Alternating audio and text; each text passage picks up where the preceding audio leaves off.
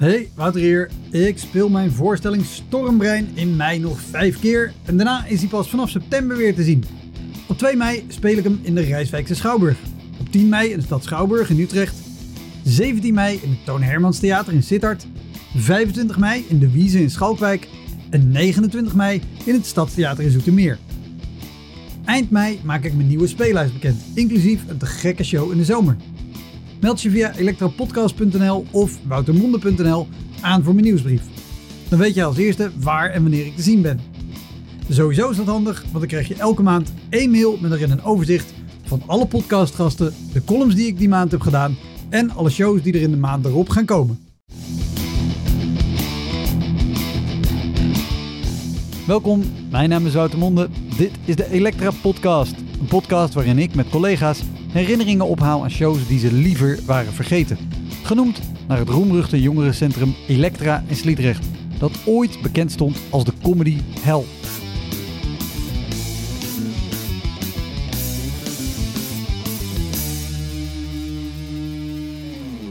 Mijn gast is Hassan El Rahawi, een stand-up comedian die eind 2021 in première gaat met zijn eerste avondvullende voorstelling. ik wist niet dat ik beoordeeld werd. ik wist niet dat ik gejudged werd bij deze podcast. Ik ben gewoon een idioot. Ik weet het. Ik had het moeten zien aankomen. Het is een vraag. Waarom... Dit is de tweede keer dat Hassan te gast is, want na de eerste opname had hij nog verhalen over en in de tussentijd heeft hij ook nieuwe verhalen opgedaan. We namen deze aflevering op tijdens het Utrecht International Comedy Festival, het grootste comedyfestival van de Benelux dat altijd in maart wordt gehouden in Utrecht. Deze aflevering is te gek gefilmd, dus dit is het moment om Elektra ook eens te bekijken op YouTube. Ga je daarheen, vergeet dan niet om te abonneren. Heel veel plezier. Dit is de Elektra Podcast met Hassan El Rahawi, deel 2.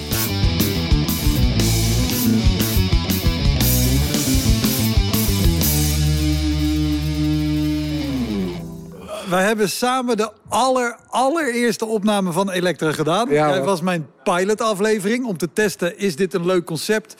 Slaat dit aan? Ik heb daar wat mensen naar laten luisteren en die zeiden, ja, dit is leuk, dat moet je doen. Nou, en inmiddels zijn we eh, bijna anderhalf jaar en, en ruim 70 afleveringen ongeveer verder. Ja, wat? En wordt het tijd voor een, voor een Hassan El Rahawi Elektra podcast deel 2? Ja, want ik, ik eindigde de vorige podcast ook, als ik het me goed herinner, met holy shit, man, er zijn nog zoveel fucking verhalen die me nu te binnen in schieten. jouw huiskamer, ik zette het apparaat uit en zei je, dude, alles wat ik wilde vertellen heb ik nog niet eens verteld. en dat Ja. is altijd in mijn hoofd blijven hangen. Dus, Ja. dus welkom terug. Ja, thanks. Voor, Thanks. voor deel 2 van, van de Elektra podcast met jou. Eh, ik, ik zou haast willen zeggen de Corona Files. De corona-files, ja man. Want we hebben, dat was oktober 2019 dat we opnamen. Het is nu eh, maart eh, 2021. Uh-huh. Dus laten we, laten we gelijk beginnen. Wat zijn jouw, eh wat zijn jouw optreedervaringen van afgelopen jaar Afgelopen jaar. corona geweest? Met, met 30 man, met 20 man, met 12 man. Ja, eh, ja, het is fucking weird, sowieso. Ehm, online eh, optredens hebben me al, al hoofdpijn en trauma's gegeven. Eh, die, dat, dat is gewoon, weet je, dat is gewoon andere, andere type comedians die zich daar, die daar beter in zijn dan ik of zo, weet je wel. Ik vind, ik vind het gewoon lastig om dan geen publiek voor me te hebben en zo. Want, want wat, voor, wat voor online shows heb je gedaan? Eens even kijken. Ik heb een optreden voor eh, de Hogeschool van Utrecht gedaan via Microsoft Teams. Microsoft Teams vind ik, vind ik de equi- equivalent van... En, we, en het moest zonder microfoon. Ja. ja. De- maar ik weet niet wat er is met Microsoft Teams, maar er gaat altijd wat mis. Maar jij moest spelen voor mij. En hoeveel mensen zaten er in die, in die, eh, in die meeting? Ik denk 40, 50? Ah, oké. Zoiets. Ja, dus dat, dat, dat is een hoeveelheid, daar kan je online op zich best voor spelen. Ja, ja. En, eh, en op zich, kijk, zij konden er niks aan doen. Maar het ging ook gewoon kut, omdat... eh, ja, ik maakte het ook veel, veel moeilijker voor mezelf dan dat een optreden online gewoon hoort te zijn. Snap je wat ik bedoel? Dus ik had overal had ik post-its ik neergezet om niks te vergeten en zo. En ja, technisch gingen ook wel dingen mis, snap je? En het was gewoon... Het was gewoon chaos. En daarna had ik mezelf, zeg maar, ik had echt met mezelf afgesproken. Ik ga niks meer online doen. Ik ga niks meer online doen. En toen werd ik gebeld door een eh, bank. en als er iets is waar ik graag voor optreden, dan is het fucking banken. Want ja, ik heb al twintig jaar schulden bij die mensen. Dus dat is wel, like, alles wat ik terug kan nakken van hun, nak ik terug. dus, eh, dus maar ik, zat toen, ik zat toen echt met een dubbel gevoel. Van ja, ik, ik, ik heb toch echt met mezelf... Kijk mij met, met geen ruggengraat heb ik. ik heb echt met mezelf afgesproken niks online te doen. Dus ik zei tegen haar, ja... Als het niet echt een optreden is, dan kan ik wel iets doen. En toen zei ze, wat dacht je van een motivational speech? En toen dacht ik, prima. En toen kwam die week aan dat ik moest optreden. Dacht ik, kut, ik moet een motivational speech gaan geven voor een bank. Even, even, even voor mijn beeld. Hoe, hoeveel tijd zat er tussen het telefoontje en het besef... kut, dat is volgende week. Ja, dat, eh, er zat zeker eh, de anderhalf maand, twee maanden. Dat is ook zo herkenbaar. Zo, oh, dat, dat komt wel. Dat Right. ga ik nog... Oh, dat moet nog een keer gebeuren. Dat gaan we dan wel doen. Ik maak mezelf altijd wijs zo van ik presteer goed onder druk. Maar dat, dat is ook gewoon niet waar. Weet je wel? Like, ik heb antidepressiva en ik loop bij een psycholoog. Like, alles wat ik kan doen om minder druk te krijgen in mijn leven is gewoon. hoor ik gewoon te omarmen. Begrijp je wat ik bedoel? Nee, dus dat. Dus, ik, ik, dus op een gegeven moment was het van. Ja. eh, fuck, ik moet een motivational speech geven. En ik zweer het, hè, Wouter, zonder overdrijven. Die, die ochtend, ik was aan het overgeven als een gek. Ik had niks gegeten, maar gewoon deed. Oh, oh, ik was kapot misselijk. Helemaal, helemaal, helemaal vertiefd. Nou, ik, ik had wel, ik had wel. Je kon niet meer weg, gek. We zijn er weer.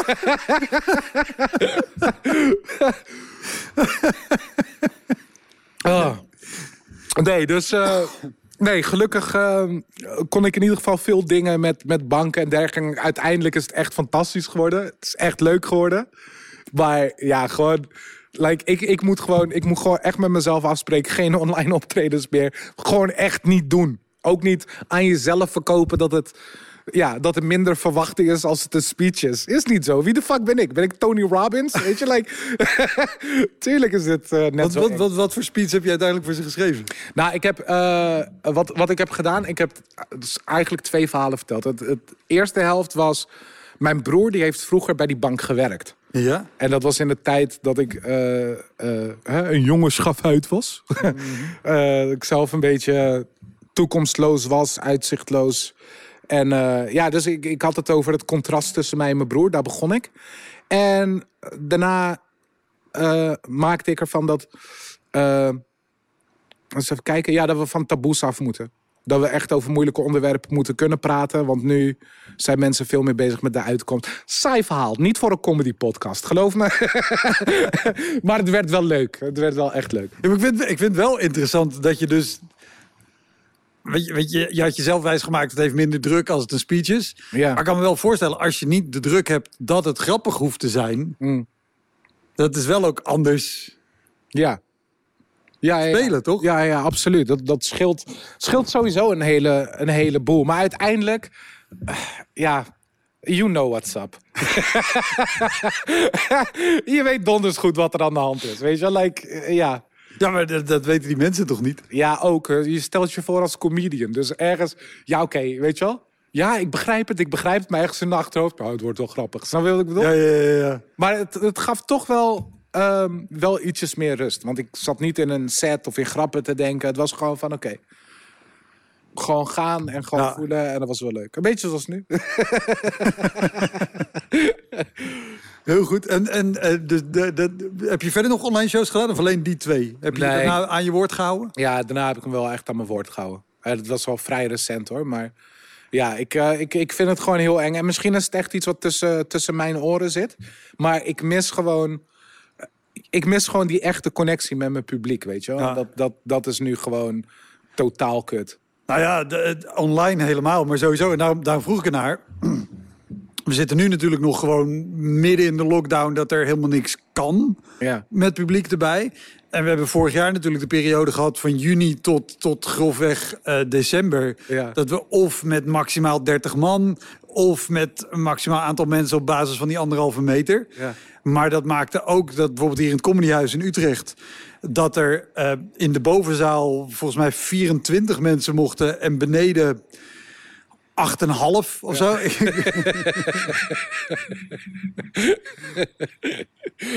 met, met, oh, wat, wat, wat, wat, is, wat is de... de we, nou, laat ik het zo zeggen. Wel, stel, weet je, ik spreek jou over, over tien jaar en corona is allemaal voorbij. Wat is een show uit de hele corona-lockdown-periode die over tien jaar nog bijstaat? Dat je denkt, oh damn, dat we ook nog. Ja, oh, ja. Ik, weet je, ik moet zeggen, ik vond het wel een leuke tijd. Want ik heb zeg maar, oké, dus jarenlang, ik ben bezig met stand-up comedy, weet je wel. Je bent zeg maar eh, met 20, 30, misschien 40 man ben je aan het voorbereiden op het echte werk, toch? Wanneer je je voorstelling gaat try-outen voor de grotere theaters en dat soort shit. Maar het was gewoon hetzelfde. Dus het was gewoon kei relaxed. Het was gewoon zo van, oh, 30 man. Zo van, ja, sorry, er zitten maar 30 man. Of, eh, ja, er zitten maar 15 man. I'm like, it's cool. like, ja, I get it. Ik had wel één optreden, die was wel... eh, ja, die was wel heel bizar te noemen. Er waren twee shows die avond. Ehm, eentje om, eh, om 7 uur en dan eentje om 9 uur, geloof ik. En de eerste show kwam vijf minuten ehm, voordat de show begon. kwam dus iemand van het theater naar me toe. Want ze hadden tegen mij gezegd: we hebben voor de eerste show eh, hebben we 18 man. En voor de tweede show eh, is het gewoon uitverkocht. Dus ik dacht, oh, weet je wel, ja, chill. En, dit, dit was een try-out van, jou, van je eigen avond van de show. Ja, van mijn eigen, van mijn eerste voorstelling Sterkte was dit een try-out van. Dus eh, vijf minuten voor aanvang eh ik had zo, ja, eh, sorry, er zitten nu acht mensen eh, en die andere mensen zijn te laat en ik denk dat ik ze even kan bellen. Ik zo, eh, hij zei, maar vind je het oké om voor acht man te spelen? Ik zo, ja, ja, als het moet, whatever. Ja, wat ga ik doen vijf minuten voor aanvang? Snap je wat ik bedoel? Ja. Wat ga ik nog in die vijf minuten bedenken? Ik zei, nee, nee, nee, is goed. eh, eh, whatever. Nou, toen kwam hij nog heel snel kwam hij terug. En toen zei hij van, ja, het is een hele groep eh, die het eigenlijk gewoon glad vergeten is. dat ze, dus die komen niet meer. Dus ben je oké om te spelen voor acht man? Ik denk, nou, fuck it. Ik moet, ik moet toch een beetje die voorstelling in mijn was krijgen. vergeten dat ze kaarten voor je hadden gekocht. Ja, gewoon een hele groep, hè? Dat is, dat is toch ook bizar?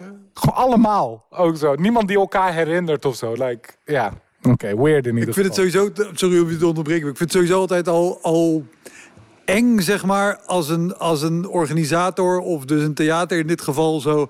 Oh, maar ik weet wel wie het zijn, ik bel ze wel. Ja. Ik heb, ik heb ooit, heb ik, en het- dit is al lang geleden, we zouden spelen in een jeugdhuis ergens in de Flevopolder, volgens mij. Ja? En toen werden we een week van tevoren werd ik gebeld en zeiden ze ja, het ding is, ze hebben nogal een vast publiek. Maar de organisatie belde net. één iemand uit die groep die viert volgende week zijn verjaardag. Dus het publiek kan niet. Die kan niet. De show was gecanceld.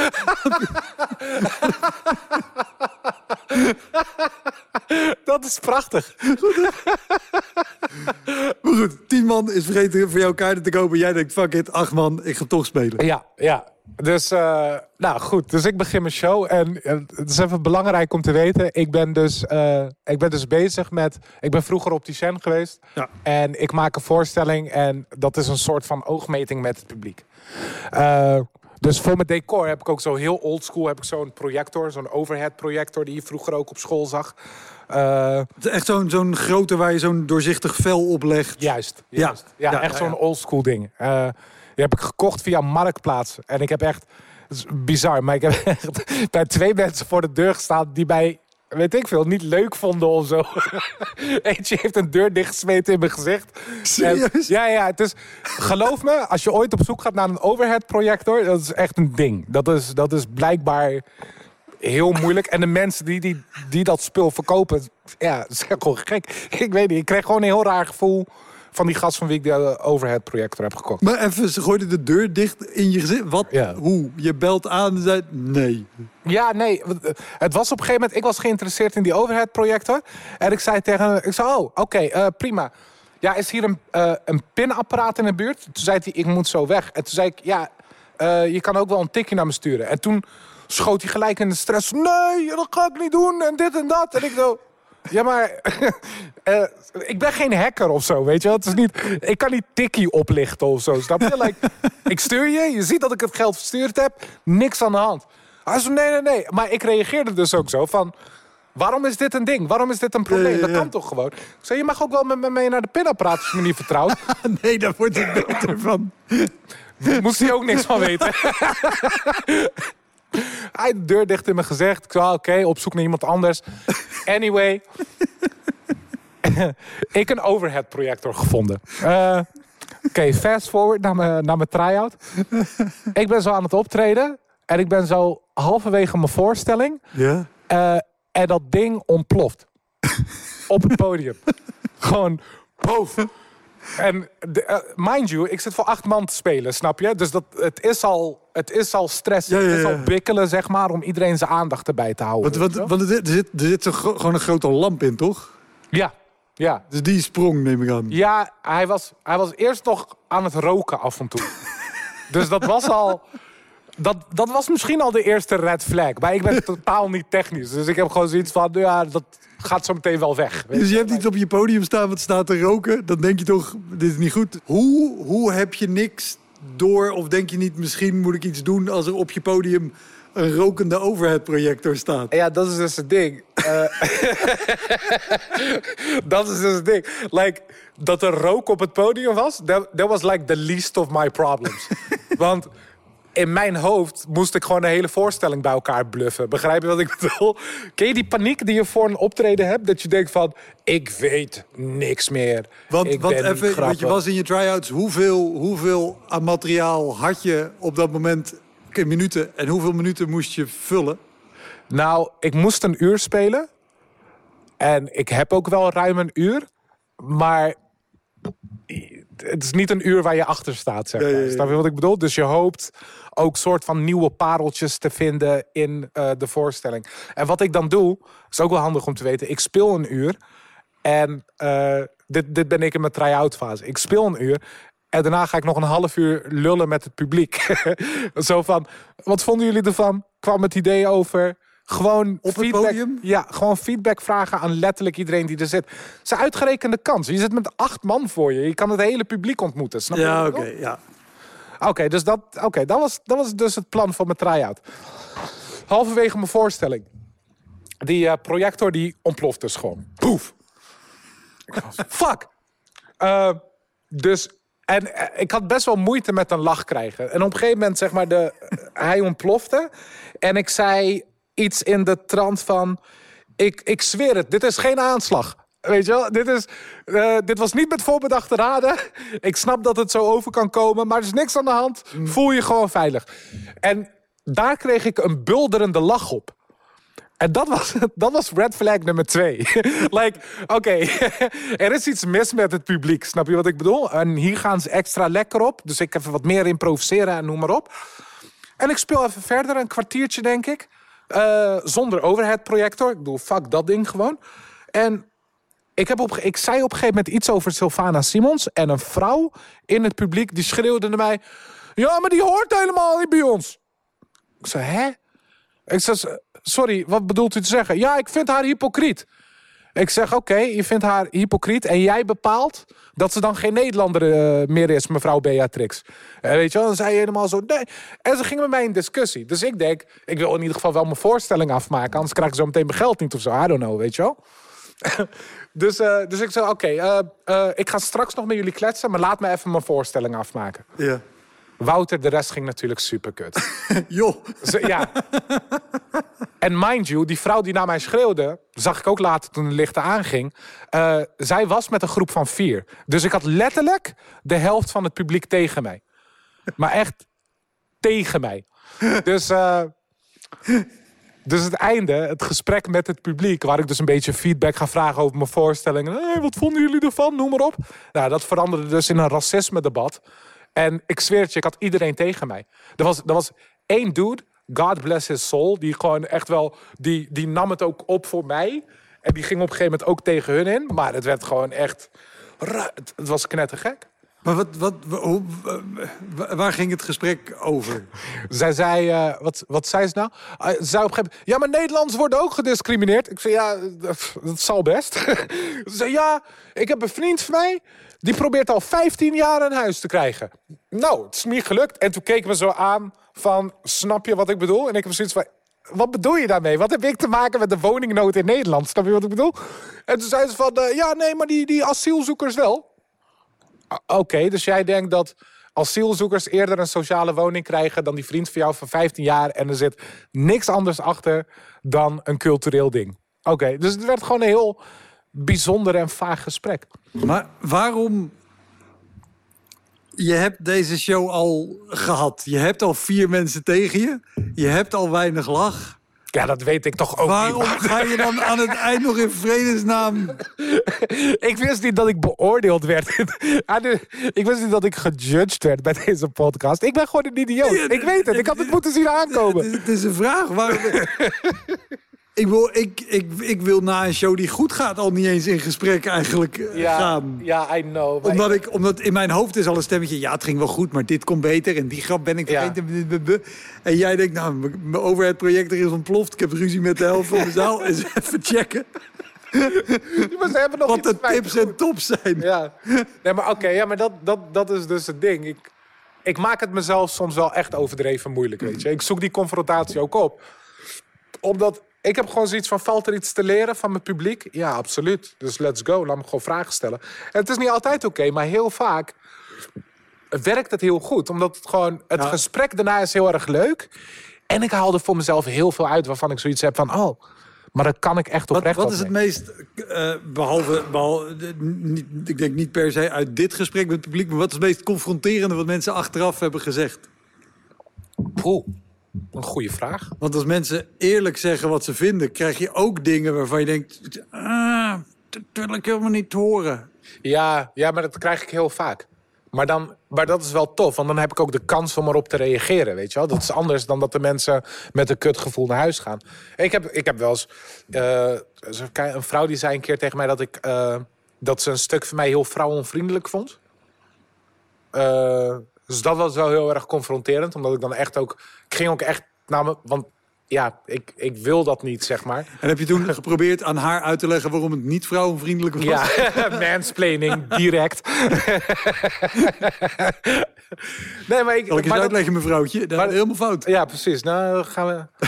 nee, maar dat, dat, dat was dus... En het was heel confronterend, maar tegelijkertijd... Het is ook iets waar ik heel veel aan heb. Want Ja, dan kijk nou ja, dat- materiaal en dan is de vraag... Doe ik er iets mee of niet? Ja, in dit geval dan wel. Ja, Maar eh, ja, dat. Dat. ja.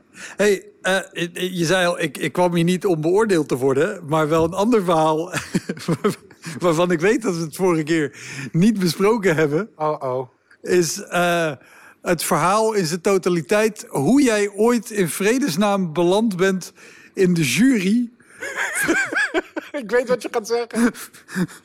van het kampioenschap ton praten in Krachenburg. Ja, hey, hey. Buurtreden, hè? Buurtredenen.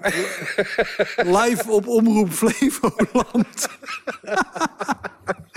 wat, wat de hel. Ah, dit was goud, man. Dit was echt goud. Oké, het, het, het begon een keer... Het begon... Sowieso be- be- begin je ook bij, bij, de, bij de comedy show in Krachenburg? Zeker. Ik begin- ik begin bij- duidelijk hebben. Kijk, ik begin bij de eerste keer dat ik überhaupt in Krachenburg ben gekomen. Ehm, Een klein plaatsje in de Flevopolder, Ja. net naast Emmeloord. ja, ja. En eh, het Comedyhuis heeft al jarenlang een goede relatie met eh Krachenburg en de carnavalsvereniging daar. Ehm, dus ja, ik werd, ik werd gevraagd om, om te gaan optreden. Nou, als zeker in de tijd ook dat ik tegen alles ja zei. Dus I'm like, yeah, fuck yeah, let's go. Dus ik, Ronald Smink, Patrick Meijer gingen die kant op. En, ehm, en het was, ik, ik, vond het, ik vond het heel eng. Ik weet niet, het was een intimiderende sfeer. Ik kan het moeilijk uitleggen. Nee, het is helemaal niet moeilijk uit te leggen. Like, iedereen was wit. iedereen was blank. en ik was daar zo, ja, oké, weet je.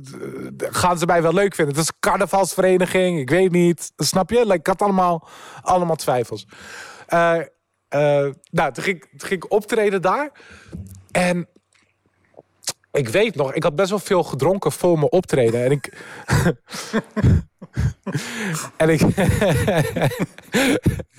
en ik weet. Klein detail. Ik weet nog dat het, het, was, het- dat was trouwens ook een heel raar optreden op, op zichzelf. Want ik was aan het spelen en er werd op een gegeven moment. ehm, ik, had een, ik had ergens een grap op en de setup van de grap was. Ik ben een hardwerkende Marokkaan.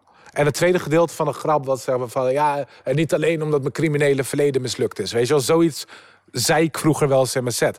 Dus ik zeg, ik ben een hardwerkende Marokkaan en er komt een bulderlach. Ik, ik heb het tweede gedeelte niet eens gezet. En dat heb ik nog nooit meegemaakt met deze joke. Snap je wat ik bedoel? Dus ik zeg, ik ben een hardwerkende Marokkaan. En je hoort... The fuck? En ik maak zo oogcontact met, met, met Ronald Smink. En die doet zo. Ja, ik weet ook niet. eh, zo wat, ik weet ook niet wat er hier aan de hand is. Ik zo fucking vaag. En toen ging ik gewoon helemaal off-script. En toen ging ik gewoon helemaal los daar, weet Oh, je wel. goed. Dus eh, het werd een soort van inside joke ook in Krachenburg. Was eh, een, een van die gasten van die carnavalsvereniging, die heette Mike. Dus elke keer als mensen te luid waren, ook bij het optreden van iemand anders, dan schreeuwde ik zo, Mike! Dus nu elke keer als ze me zien, schreeuwen ze ook Mike naar mij, weet je wel? Ja, ja, ja, ja. Ik zit lekker in Krachenburg. Nou, die avond, daarna, ik bleef drinken, ik bleef drinken, heel veel whiskies op. En ik was aan het einde van de avond, ik was, ik was helemaal van het padje af. Blijkbaar had ik dus die avond afgesproken. heb ik ja gezegd op de vraag... Hassan, wil jij een buurtredenavond jureren? I'm like, yeah, yeah, whatever.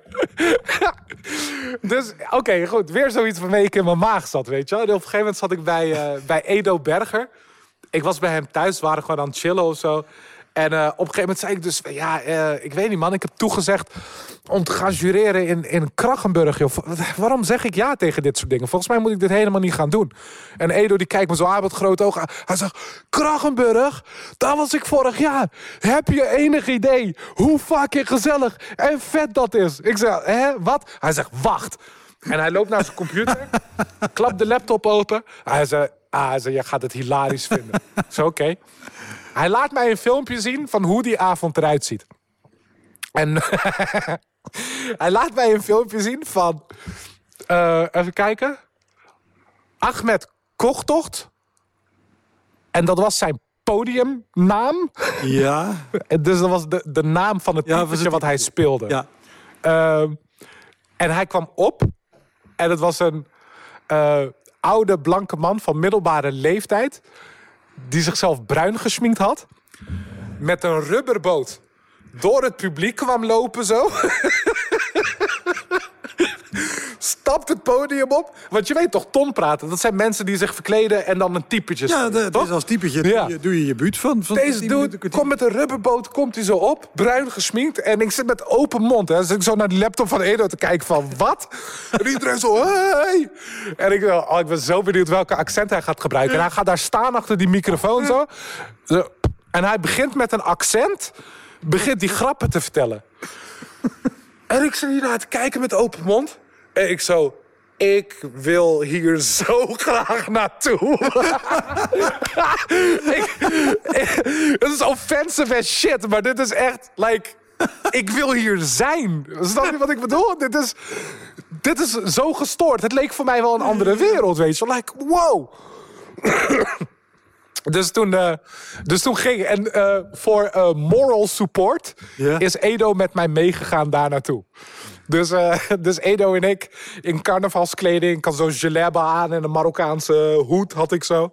Ja, daar naartoe en gewoon, ik echt elke fucking aanname die ik had over Krachenburg en gewoon ton praten en die avond is allemaal weggekeild. Ik heb me helemaal kapot gelachen. Ik heb ook heel veel grappen over Marokkanen op me afgevuurd gekregen, want ik zit in de jury. Ja, Eh, eentje die was verkleed als een Duitse in lederhozen en shit. En die kwam op een gegeven moment eh big naar me toe brengen. Legde zo op de tafel.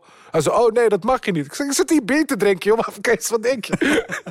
niet dat ik varkensvlees eet, maar like... Snap ja, je? ja, ja, ja. De dag dat ik naar Krachenburg ging, samen met Edo, had ik ook nog 40 graden koorts. Dus, eh, dus ik ben gewoon met een snotdoekje daar op het podium gegaan. Ehm, eerst de jury gespeeld. En daarna, helemaal aan het eind van de avond... moet je dus ook eigenlijk iedereen roosten die op het podium is geweest. Dus eh, ik stond daar met mijn snotdoekje. En dat was wel echt tof. Zeg maar, je kan ook de beelden terugzien op YouTube, weet je wel. Ja, ja, ja. Ik sta zo met mijn snotdoekje. En ik heb echt zo, het was echt zo'n hype gesprek, weet je. Zo van, ik ben ziek. Ik heb 40 graden koorts. Maar ik ga Krachtenburg toch niet in de steek laten, toch? En iedereen zo... Ik 400 man in die zaal. Knettergek. Hey, gruwelijk man. Ik ben een fan van carnaval geworden. Maar echt, echt een fan van carnaval geworden. Ja, ja, ja. Wat goed. Was, was dit dat je er ziek stond toevallig carnaval 2020? Nee. Oh, oké. Nee, dan, wa- dan, dan was het geen corona. Nee, nee, nee, nee, nee, nee, nee. Dus toen kon je nog gewoon in de buurt komen bij mensen... terwijl je gewoon aan het niezen en aan het hoesten was. En zo. Ja, ja, ja. Hey, Wouter hier. Ik speel mijn voorstelling Stormbrein in mei nog vijf keer. En daarna is hij pas vanaf september weer te zien. Op 2 mei speel ik hem in de Rijswijkse Schouwburg. Op 10 mei in de stad Schouwburg in Utrecht. 17 mei in het Toon Hermans Theater in Sittard. 25 mei in de Wiese in Schalkwijk. En 29 mei in het Stadstheater in Zoetermeer. Eind mei maak ik mijn nieuwe speellijst bekend, inclusief een te gekke show in de zomer. Meld je via elektropodcast.nl of woutermonde.nl aan voor mijn nieuwsbrief. Dan weet je als eerste waar en wanneer ik te zien ben. Sowieso is dat handig, want dan krijg je elke maand één mail met erin een overzicht van alle podcastgasten, de columns die ik die maand heb gedaan en alle shows die er in de maand erop gaan komen. Maar het is knettergek, joh. Dan zit je daar gewoon een beetje zo ja, te drinken... en te kijken naar mensen die aan het optreden zijn. Nou, één chick, die had een geweldige intro, man. Die had, die had, die had van die hele grote tieten had ze zo in een BH gestopt, zeg maar. Blonde krullen. En die kwam, zeg maar, met de, met de tune van Flodder... Ja. kwam ze in een soort van autootje waar ze in gedragen werd. Zo...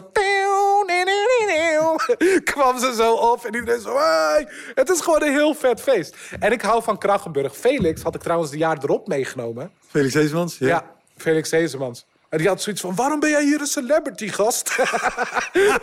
Want ik kom daar in Krachenburg en het is zo... Hassan! Zo, hey! Je weet toch? dus eh, ja, want ik hou, ik hou van Krachenburg. Krachenburg, als jullie luisteren... Ik hou van jullie en ik kom zeker snel terug.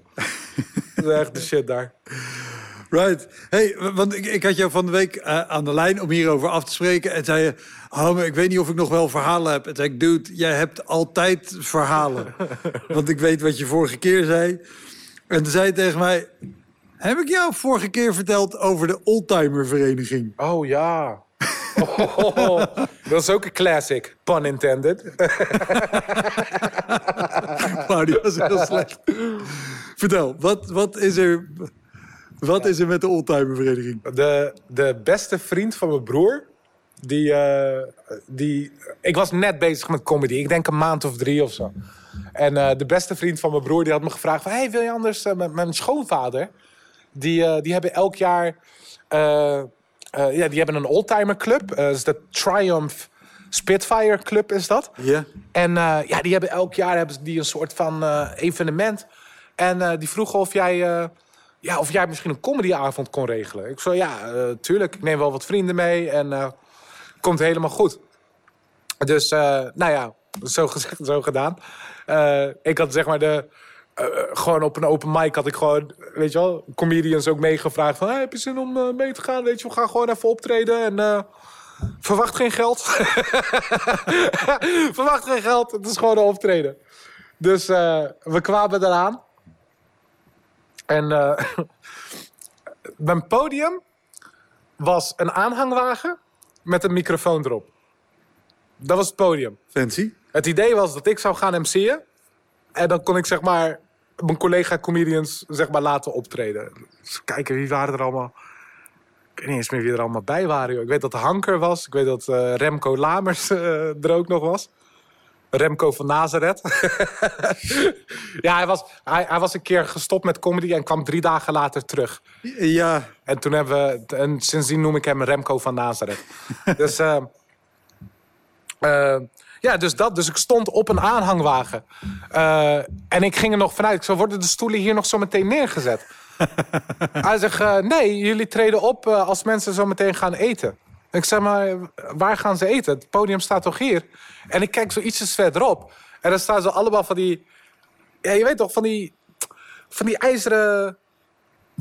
Van die, Wie staat van die daar? bakken waar eten in zit met zo'n dop. Die ook in een Chinese restaurant. Ja, uh, Aubin Marie bakken zijn dat. Die ja. Ja. Daar was ik nooit op gekomen. Dus een hele rij van die Aubin Marie bakken. Ja, Right? ja, een buffet. Ja, een buffet. ik kom niet eens op het woord buffet, de tyfus. Dus ik zie een hele rij van die buffetbakken. En op een gegeven moment komen de mensen. En dat betekent dus dat ik mijn grapjes moet schreeuwen over een soort van veld heen. en de boksen die staan daarachter bij het eten. Dus terwijl mensen zo eten aan het opscheppen zijn, het zo van... Hey, eh, eh, eh, hoe vinden jullie dit? Hoe vinden jullie dat? Like, fucking crazy ass optreden. En iedereen ging daar natuurlijk hartstikke kapot. Uiteraard. maar ze waren, ze waren heel lief. Ze hebben, uiteindelijk hebben ze nog een envelopje met geld gegeven. Ik heb het zo verdeeld over alle comedians en zo. En, eh, en weet je waarom? Dat is het mooie ervan. Weet je waarom zo'n optreden als dit kwam zo ontzettend goed van pas? Want ik, ik leerde dat ik dus ook dat het best wel kan werken als ik mijn grappen schreeuw. Dus toen ik afgelopen jaar bij De Wereld Draait Door moest optreden. serieus, fucking vet natuurlijk. Maar Ja, nog steeds. Je hebt, even serieus, je hebt, je hebt een tafel in het midden. Ja. Matthijs van Nieuwkerk, Mark-Marie Huibrecht, zeg maar. En daarachter, daar zit het publiek. Snap je wat ik bedoel? Ja, ja, Dus je hebt, het, het is gewoon een ding. hoe- je- hoeveel meter zitten hier tussen jou als je staat te spelen en tussen het publiek? ja, pak een beetje 10 meter, denk ik. Dat is veel. Ja, het is heel veel. Ja, het is, het is misschien, mensen die niet met comedy bezig zijn, is moeilijk uit te leggen. Maar een grote afstand creëren tussen jou en het publiek is. Ja, Ja, ik, ik omschrijf het vaak als mensen, als, weet je, als ik uit moet leggen, bijvoorbeeld aan een, aan een organisator in een zaal die de stoelen heel ver heeft gezet. Dat je nee, maar ze moeten echt dichtbij. Want het is gewoon alsof je allebei bij een bushalte staat aan, aan weerszijden van de weg. Ja. En aan de overkant staat een vriend van je. En dat je Ja. mopt, komt een man bij de. Ja. Bij, een man. bij de dokter komt hij. Wacht even. Oké, kom maar bij de dokter. Ja. Eh, het, eh, gaat niet. Je kan het Nou. niet overbrengen. Je kan, nee, maar je wil intimiteit ja. creëren. Dat, dat kan niet. En ik, dat is, ik kijk zeg maar ook als ik aan het optreden ben, dan kijk ik ook naar de gezichten van mijn publiek. Want daar haal ik zeg maar mijn feedback uit, weet je wel? Ja. Eh, ja, en dat, dat gaat ook gewoon moeilijk als mensen heel erg ver weg zitten. Dus dat, ja. Maar ik, ik heb dus echt iets gehad aan die oldtimer, aan die ervaring bij die oldtimer club, omdat ik zoiets had van, ah, oké, publiek is ver weg, I got this. Is, is, is het ook letterlijk door je hoofd gegaan dat je in het DVD-decor stond? Letterlijk. En, ja, echt? Letterlijk. Echt letterlijk zo van... Oh, dit is net als toen ik bij die oldtimer club naar die buffet aan het schreeuwen was. Ja. Oh, wauw, wat goed. Ik zou zeggen, check allemaal, want het staat ongetwijfeld op YouTube, toch? Dat je, dat je bij DVD... Ja, ja, ja, ja. ja. Eh, de, eh, eh, check dat en bedenk dan dat er door zijn hoofd gaat... ik stond op een aanhanger ja. met een microfoon voor een oldtimerclub... grappen naar een buffet te schreeuwen.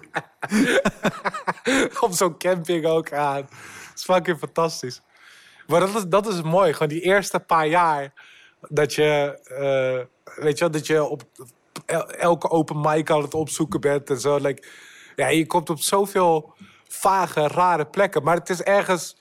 Ergens heb je er dus ook wat aan. Ik geloofde dat vroeger nooit. Als ze zeiden van... Ja, nee, maar eh, het is even hard nu. Maar straks ga je er heel veel aan hebben. Ik dacht, ja, whatever. Zou ik ook zeggen als ik iemand wil laten optreden voor eh, twee consumptiebonnen.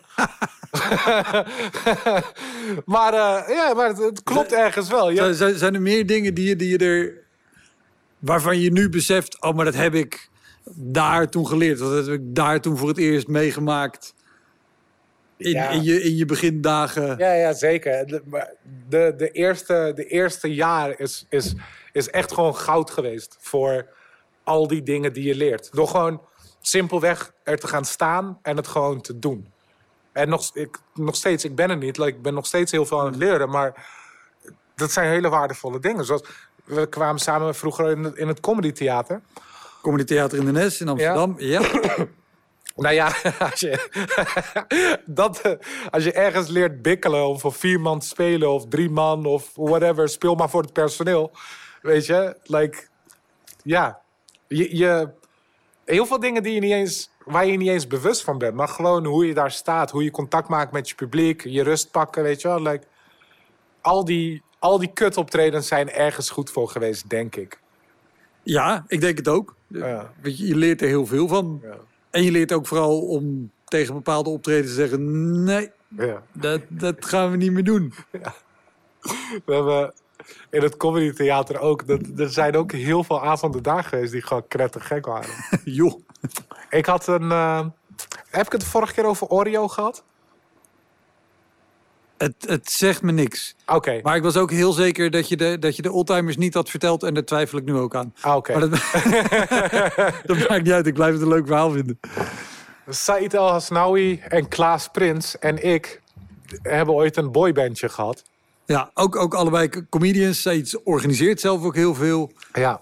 En eh, onze boyband die heette Oreo. Omdat eh, we twee allochtonen en een blanke hadden in het midden. of een witte. Wat, wat, is, wat is de politiek correcte term? Witte of blanke? Wit. Wit. Ja, nee, blank is als je, als je eh, in je Twitter-profiel een, een, een Nederlands vlaggetje en een trekker hebt. Ja, ja, ja. Dan beschouw je En- jezelf als neutraal, hè? Ja, en wit is als je een textiele tasje hebt en eh, plantaardig eet. Oké. Dat is een beetje... Oké, wit. dus hij is dan het, weet je wel, het Oreo. Ja, ja, ja. midden. Maar ehm, ja, dus wij, wij hadden een boybandje. En het leek ons wel leuk om het een keer in het comedy theater te proberen. Voor vijf man. En een Oost-Europese vrouw die haar spoel niet kon houden. Maar even, wat, wat, wat gingen jullie doen? Wat was jullie act? Was er iets? ja, we hadden een eh refrein bedacht. En het refrein heette Kies voor mij. En dan zongen we eh, stuk voor stuk. Zongen we dan een coupletje. En dat zongen we dan voor iemand in het publiek. En die moest dan voor één van de comedians kiezen. Dus eh, kies voor mij, kies voor mij. En het zei het al snel, ik kan echt goed zingen trouwens. Echt waar? Ik zweer het. Hij kan echt goed zingen. Hij haalde gewoon tonen en zo. I can't sing for shit. Maar ik vond het wel grappig om dan een beetje de, de bad boy in de boyband uit te hangen, weet je. Like, ik wou die AJ van de Backstreet Boys zijn. Oké, dus jullie gaan dat doen voor vijf man in het theater. Ja. En eh, ik zit zo'n soort van. Ik zit dan te zoeken naar een vrouw om dat liedje voor te zingen. Ja. Dat is een beetje het ding. En ik spreek een vrouw aan. En zij. Ja, het was, het was gewoon niet te doen. Zij was zo van, ja, wat, wat ga je doen dan? Ik zei, we gaan een liedje voor je zingen. Het is allemaal heel lief. Ja, maar, maar waar, waar ga je over zingen dan? Ik sta, dat, dat hoor je wel. Laat ons even zingen. ja, nee, ja, nee, ja. Nee, ik weet niet of ik dit wil. En het ging gewoon allemaal te lang door. En tegen de tijd dat we met het nummer begonnen... was eigenlijk het hele gevoel weg. Dus na drie, vier minuten... hebben we zo heel zielig voor niemand een nummer zitten zingen... wat Kies voor Oh, mij heet. man. Ja. Wat, wat is het, als, als dit hem al niet was hoor, wat is het pijnlijkste moment wat jij hebt gehad in het comedy theater? pijnlijkste moment in het comedytheater. het was een en al pijnlijk daar, joh. ja, ik, weet, ik ben zo vaak, zo vaak doodgegaan daar in dat theatertje. Omdat, ja, het was gewoon mijn eerste jaar. Was dat een beetje mijn, mijn vaste plekje, mijn vaste honk. Nou ja, en het probleem, je zegt theatertje. Het, was Het groot is een, een, een, een zaal die qua capaciteit net zo groot is als waar we nu zitten. We zitten hier, zitten hier in Cloud9 van Tivoli Vredenburg. Dat is een hele grote zaal. Daar konden in principe 220 mensen in als Ja. het balkon open was. Ja, ja, Dus daar doodgaan is, is heel pijnlijk. ja. Oh, heb, jij, heb jij nog mee, je hebt meegedaan met, door de met de, winter snow shows, toch? Die we daar deden. Ja, ik heb er geloof ik eentje meegemaakt. Want daar heb ik al, en dat was niet per se pijnlijk qua optreden, maar een bizar moment meegemaakt. Eh, wij deden op een gegeven moment deden we themashows. En dat was hartstikke leuk. Was een soort revueprogramma. En dan hadden we een soort panelquizje erin. En een stukje gewoon stand-up. En Roel Zevenburg speelde een liedje. Zo hartstikke tof. We moesten alles zelf doen. En ook alle promotie moesten we zelf doen. Want vanuit het theater gebeurde er niet zoveel. Want die waren tegen marketing. Want als je marketing doet, dan komen er allemaal mensen. En die willen ook nog drinken bestellen. En omzet genereren. En dat is niet artistiek. Ik weet niet. Daar was hij tegen. Dus we hadden van alles geregeld en die show helemaal gedaan. En wij zijn op een gegeven moment aan het opbouwen. Maar ook wat wij verdienden was gewoon de deuropbrengst. Ja. En toen waren we bezig. En toen kwam Frans, de eigenaar. eh, die kwam op een gegeven moment en die zegt terloops... Oh, wat een drukte. Ik heb de telefoon gewoon ernaast gelegd. Ik word gek van de mensen die de hele tijd bellen. Zo wat? Ja, dat bellen de hele tijd mensen dat ze nog kaarten willen. Dat kan ik er nou niet bij hebben. Fuck. Serieus. Ik ben, ik ben toen weggelopen naar de kleedkamer. Eh, Menno, die regelde alles. Menno Stam, comedian ook. Die, die, die was het hoofd, zeg maar, daarvan. En ik dacht, oké, Menno, ik kan hier zelf niet op reageren nu. Maar dit is wat er net gebeurd is. Ja. En ehm, er is nu iemand actief aan het zorgen dat wij minder geld aan deze productie overhouden. En het was, we schreven alles zelf. We speelden hem vier keer, vijf keer of zo. Dus er ging echt geen geld in om. En wel heel veel werk. Ja.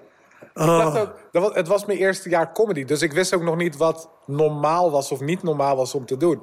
Dus ik heb bijvoorbeeld ook in het begin geflyerd. Om, eh, om mensen binnen te krijgen, weet je wel. Oh, ja. Ik dat is trouwens ook. Ik mocht spelen bij het Comedy Theater als beginnende comedian. Omdat ik publiek meenam. Weet je wel? Dat Ja, was zo van, ja, nee, ja, deze dude neemt altijd publiek mee. Dus geef hem even een paar minuten op het podium, weet je wel? Dus ik had zoiets van, oh, dit is het ding. Dus ik heb, like, de eerste half jaar dat ik speelde... nam ik elke keer weer een paar vrienden mee. Nou, die heb ik dus echt al jaren niet gezien bij mijn optreden, by the way. en zo, ja, kom, we gaan kijken naar hoe Hassan zijn ding probeert te doen. En het was allemaal tenenkrommend, joh. Je weet toch, ik kwam heel vaak uit mijn werk. kwam ik zo in mijn pakje zo... Ja, even, even dit rare grapje over Peter R. de Vries proberen. Je weet dat soort shit.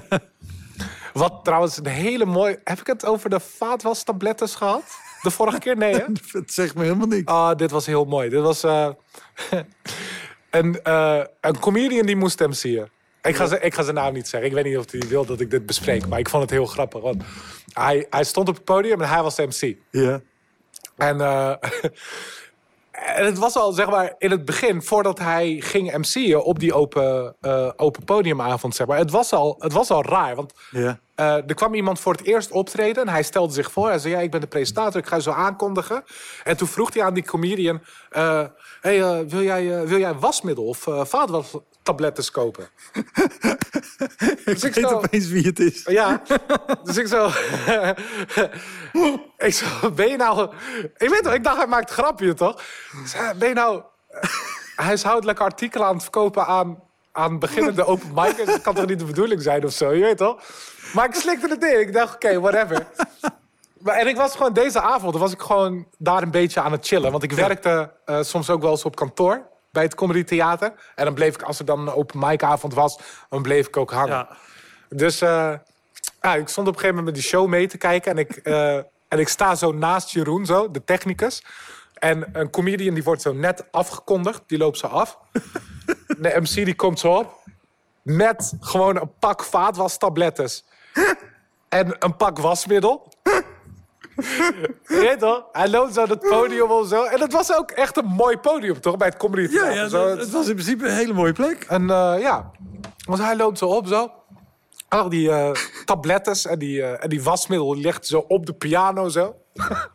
hij kijkt het publiek zo in. Hij zegt ja, als iemand nog vaatwastabletten wil kopen of wasmiddel. De winkel is het tientje, bij mij is het 5 euro. Hij zegt, dit is niet alles wat ik heb. Ik heb nog heel veel in mijn kofferbak. dus, en Jeroen, die keek me aan. Pure paniek in zijn ogen. Want hij was ook een beetje de, de regelneef, toch, van die show. Pure paniek in zijn ogen. En hij keek me zo aan van, wat de fuck moet ik doen? Dus ik pak op een gegeven moment die voice-over microfoon. Ik zeg, eh, luister eens, het kan niet de bedoeling zijn... dat het comedytheater, of, eh, het comedytheater wordt gebruikt... voor commerciële activiteiten van jezelf. Eh, wil je hier alsjeblieft mee stoppen? Dankjewel. Ja. Oh, wauw. ja, dus dat soort dingen, man. Wat goed. Ja. hey, laatste, laatste wat ik je nog eh, wilde vragen. Voor... Ik, ik mis het comedytheater trouwens. Ik mis het echt. Ja? Ja, het was geweldig daar. Ik vind het echt heel leuk. Ik, ik, ja, ik moet zeggen, ik heb hele leuke momenten gehad. Ik heb hele toffe shows gedaan. En ook dingen gedaan die we anders nooit meer hebben gedaan. Eh, eh, de- een, eh, volgens mij ook een winter snowshow met Casper van der Laan als dronken Sinterklaas. ja. ja. Een rol die ik één avond van hem heb overgenomen omdat hij niet kon. En het was hilarisch om te spelen. Het was heel erg leuk. Maar ja, qua, qua bezetting mm, en qua betaling van facturen. Mwah. Ja, ik vond het vooral leuk om met jullie aan de bar te hangen en eh, slecht advies te krijgen over comedy. Maar wel goedkope vaatwastabletten. ja, ik kon er wel Dash 3 kopen voor 5 euro. Ja. Precies. Hey, maar eh, eh, ik wil nog wel vragen naar een ander deel van jouw carrière. Want je bent comedian en je bent... Nou ja, eigenlijk zou je nu aan het toeren zijn met je avondvullende show. Maar dat gaat naar volgend seizoen.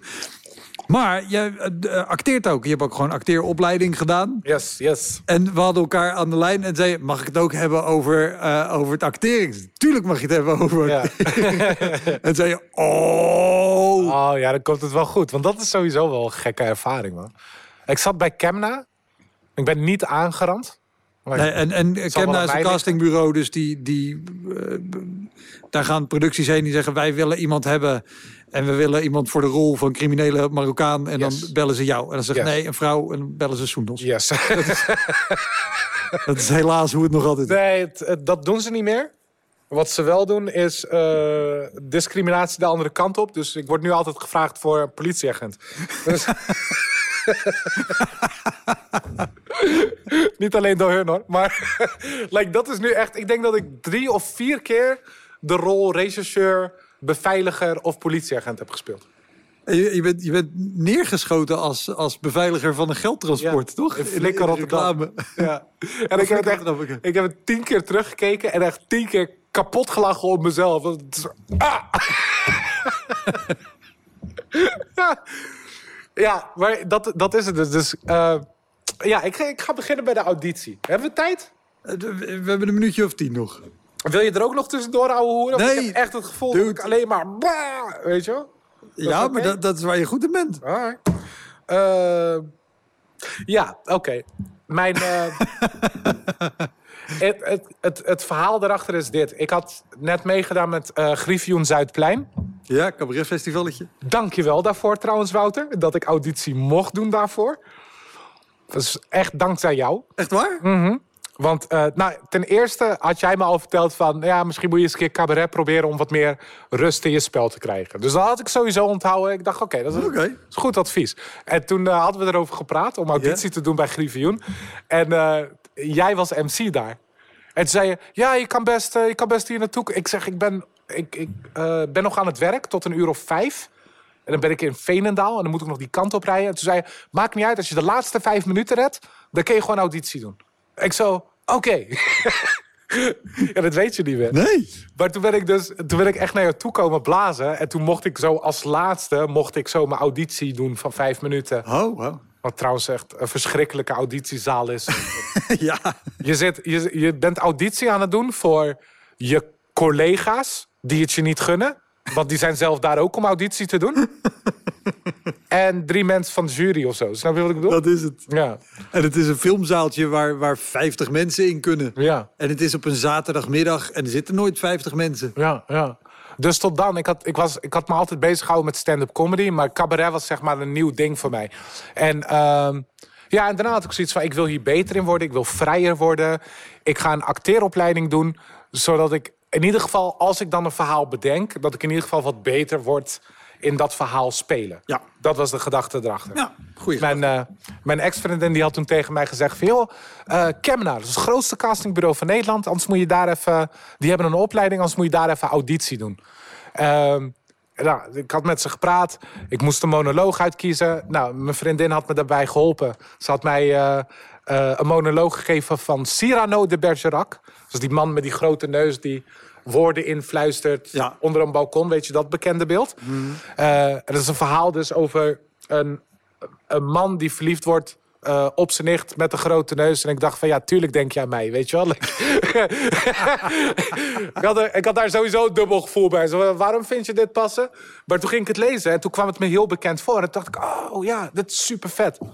Dus ik had die, die auditie, ik had echt... Ik had die pagina, ik had hem echt in mijn hoofd gestampt. Weet je wel? Want het is oud-Nederlands. Het is het beest dat Aristophanes eens noemde... Hippocampe elefanto camelos beroemde zich... op een eendere vlees en beenhoorn op zijn kop. Dit soort zinnen staan daarin. Dit soort volzinnen. Dus ik had echt, ik had, hem, ik had die pagina erin gestampt. Dag van de auditie? Nee, avond ervoor. avond ervoor, ik ben zo aan het kijken en ik, ik heb zo'n monologenboek. En ik denk van, ik ben eigenlijk wel benieuwd welke monologen hier nog meer in staan, weet je wel. Dus ik, ik begin te bladeren en ik denk, huh, waar is het nieuwe monoloog? Even terugkijken. Staat er, de, de monoloog die ik dus net uit mijn hoofd heb geleerd, heeft nog een tweede pagina waar ik niet vanaf wist. Want zo werken boeken. Want als ze niet genoeg hebben op één pagina, dan drukken ze het op de achterkant van die pagina. Right? Dat is gewoon hoe boeken werken, bro. Dus ik zo, fuck. The fuck moet ik doen?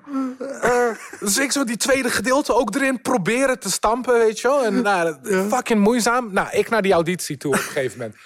Eh, nou, dat is het echt zo'n kerel. Je weet toch, echt zo'n zo, uh, echt zo'n acteer doen. echt zo'n acteerrot, uh, die zat daar zo. Die zat een beetje naar mensen te kijken. En ik zie de een na de andere acteur gewoon like, heftige shit neerzetten. Weet je, like, echt hun best doen om daar te komen. Want het, het is echt een ding om bij die opleiding te zitten. dus eh, ik, ik zie een chick gewoon op commando, zie ik gewoon huilen midden in Shakespeare monoloog en zo. Ik zeg, "Wat kom ik aan, weet je wel. ik ga met totaal door deze fucking monoloog heen bluffen, let maar op. dus, eh, oké, dus ik ga staan. Ik doe mijn ding. En de eerste, like het eerste gedeelte van die monoloog ging fantastisch. Want die had ik de hele week in mijn hoofd gestampt, snap je? Dus het zat er gewoon in. Die zat erin. En zeg maar, het, het, het punt, terwijl ik die monoloog aan het doen ben... het punt dat ik zeg maar, bij die tweede pagina kom... ik merkte gewoon aan mezelf, mijn stem verandert volledig. like, ik zat volledig in zo'n... Dus het was een combinatie tussen half straattaal, half oud-Nederlands... Cyrano de Bergerac, like... Wonder boven wonder. Hij, had- hij zei letterlijk, toen ik klaar was met mijn, met mijn monoloog... zei hij, zo, heb je goed doorheen gevochten. En, eh, maar ze vonden het wel vet wat ik deed, dus ik was, eh, dus ik was aangenomen. Goed, dat is de auditie. Eh, en ik, ik, ik mocht bacon spelen op de grond, dus ik heb dat is super. Ik, het heeft me heel vrijgemaakt. Anyways. Fast forward een jaar later. Ja. Ik ben klaar met mijn opleiding. En een van de adviezen in de opleiding was ook: ga naar audities toe. Ook al verwacht je de rol niet te krijgen. Want eh, auditie doen is een aparte kunst. Ja. Het worden niet altijd de beste acteurs. Het worden de mensen die het beste zijn in een auditie doen. Dus zorg ervoor dat je een paar keer auditie hebt gedaan... dat je comfortabel wordt. Dus ik ga, naar een, ik ga op een gegeven moment naar een auditie toe. En het is voor de rol van vader van twee pubers.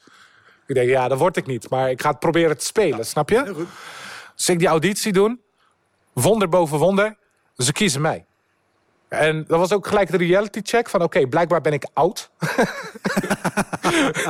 Ze hadden een zoon gecast die gewoon ouder leek dan ik, weet je wel. Like, dat was fucking weird. Ehm, maar goed, ik was super blij, man. Ik mocht gewoon in een serie spelen. Holy shit, dat was echt een big deal voor mij. Dus ik ben de eerste draaidag ben ik, eh, ben ik op de set. En de dag daarvoor... Ik was ook aan het solliciteren voor een nieuwe baan. De dag daarvoor had ik een assessment gehad in België. En ik was eh, door mijn rug gegaan. Ik had last van mijn rug. Maar ik zou die eerste draaidag sowieso niet missen, gek.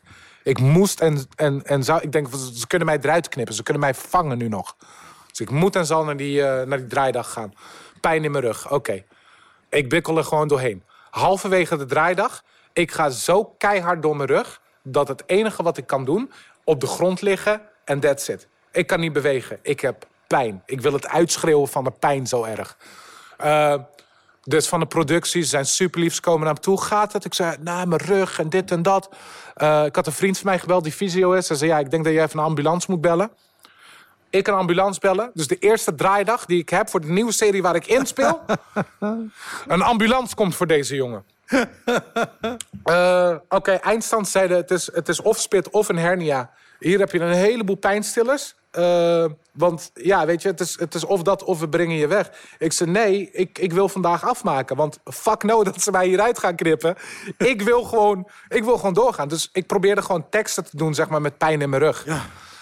Hier werd het raar. Dit is waar het raar werd. ik stond op een gegeven moment voor de deur. En het is zeg maar een huis, een speeltuintje voor de deur. En ik sta daar voor de deur te bellen met, met ehm, iemand van het NPO. Die zich zorgen maakte mij. Gaat het wel? En weet je zeker dat je vandaag wilt doorzetten? Dus ik ben met haar aan het bellen. En terwijl ik zo aan het kijken ben op dat speeltuintje... staat er een man een beetje op gepaste afstand van dat speeltuintje. Die staat naar kinderen te kijken en had zijn handen zo een beetje laag. En ik zit dus gefocust op die man, terwijl ik dus aan het luisteren ben naar die telefoon. En ik denk van, fuck nou man, dit, dit is gewoon een predator, weet je wel. Dit is gewoon een of andere pedo die... Ik zeg, ik ga me afschrikken, weet je Ik zeg, uh, sorry, heeft u een klein momentje? Ik nam niet eens de moeite om me op te hangen. Dus de telefoon was gewoon zo in mijn hand. En ik schreeuw naar die gast. Ik zeg, hey! The fuck ben je daar aan het doen? En hij zo, huh, wat? Ik zo, wat doe je daar met die kinderen? En hij zo, huh? Ik zo, wat doe je met die kinderen, gek? En hij liep gewoon weg. Snap je? Ik denk, fuck no, ik, dit, dit... Nee man, ik ga me achtervolgen. Ik ga kijken waar hij naartoe gaat. Zo meteen loopt hij rondje, komt terug... en dan ontvoert hij een van die kinderen of zo. Moet ik niet hebben, snap je? Dus ik, ik zei, sorry, ik moet even ophangen. Ze gaat het goed daar? Ik zei, ja, ja, ja, komt goed. Er is hier even wat raars aan de hand, ik laat je nog wel weten. Ik hang op, ik loop richting die man, woedend. Toch? Want ik denk, ja, maar ik heb gewoon een pedo te pakken hier. Gewoon live in action, op heterdaad. Ik loop op die man toe zo. En ik word ingehaald door een van die kleine jongens... die naar hem toe rent met papa, papa, papa. ik stond blijkbaar zo strak van die fucking pijnstillers... dat ik een dude gewoon onterecht voor pedo heb uitgemaakt. dus... Uh, ik loop op een gegeven moment zo zijn voortuin in, want daar zat hij. En ik, ja, echt duizend keer sorry tegen die man gezegd. Van, sorry man. Hij zei, ja. Hij zei, ik ben al blij dat iemand een oogje in het zeil houdt hier in de wijk. Weet je wel? Like, ja, ik woon hier niet, maar toch thanks. Maar dit man, dit soort gekke... ik, schaamde echt, ik schaamde me echt dood. Like, ik kon echt door de grond zakken, joh, voor dit. Snap ik? Heb je, het nog, heb je het nog uit moeten leggen later aan de telefoon? Of dat degene die... Ja, ja, ik heb het gedaan. En toen zei ze tegen mij van... Nou, uh, dat was wel het moment dat ik wist dat jij een goede rechercheur zou zijn voor de serie. Wauw. Dus ik was, ik was inderdaad... Ik was een vader van twee, maar ik was ook rechercheur in die serie. Uiteraard, want je bent politieagent. There you go. Top man. Dankjewel. Thanks man. Ik vond het weer... Uh, het was me weer een waar genoeg. Dat was hem, de Elektra Podcast. Meer informatie over mijn gast van vandaag en linkjes naar van alles en nog wat vind je in de omschrijving van deze aflevering.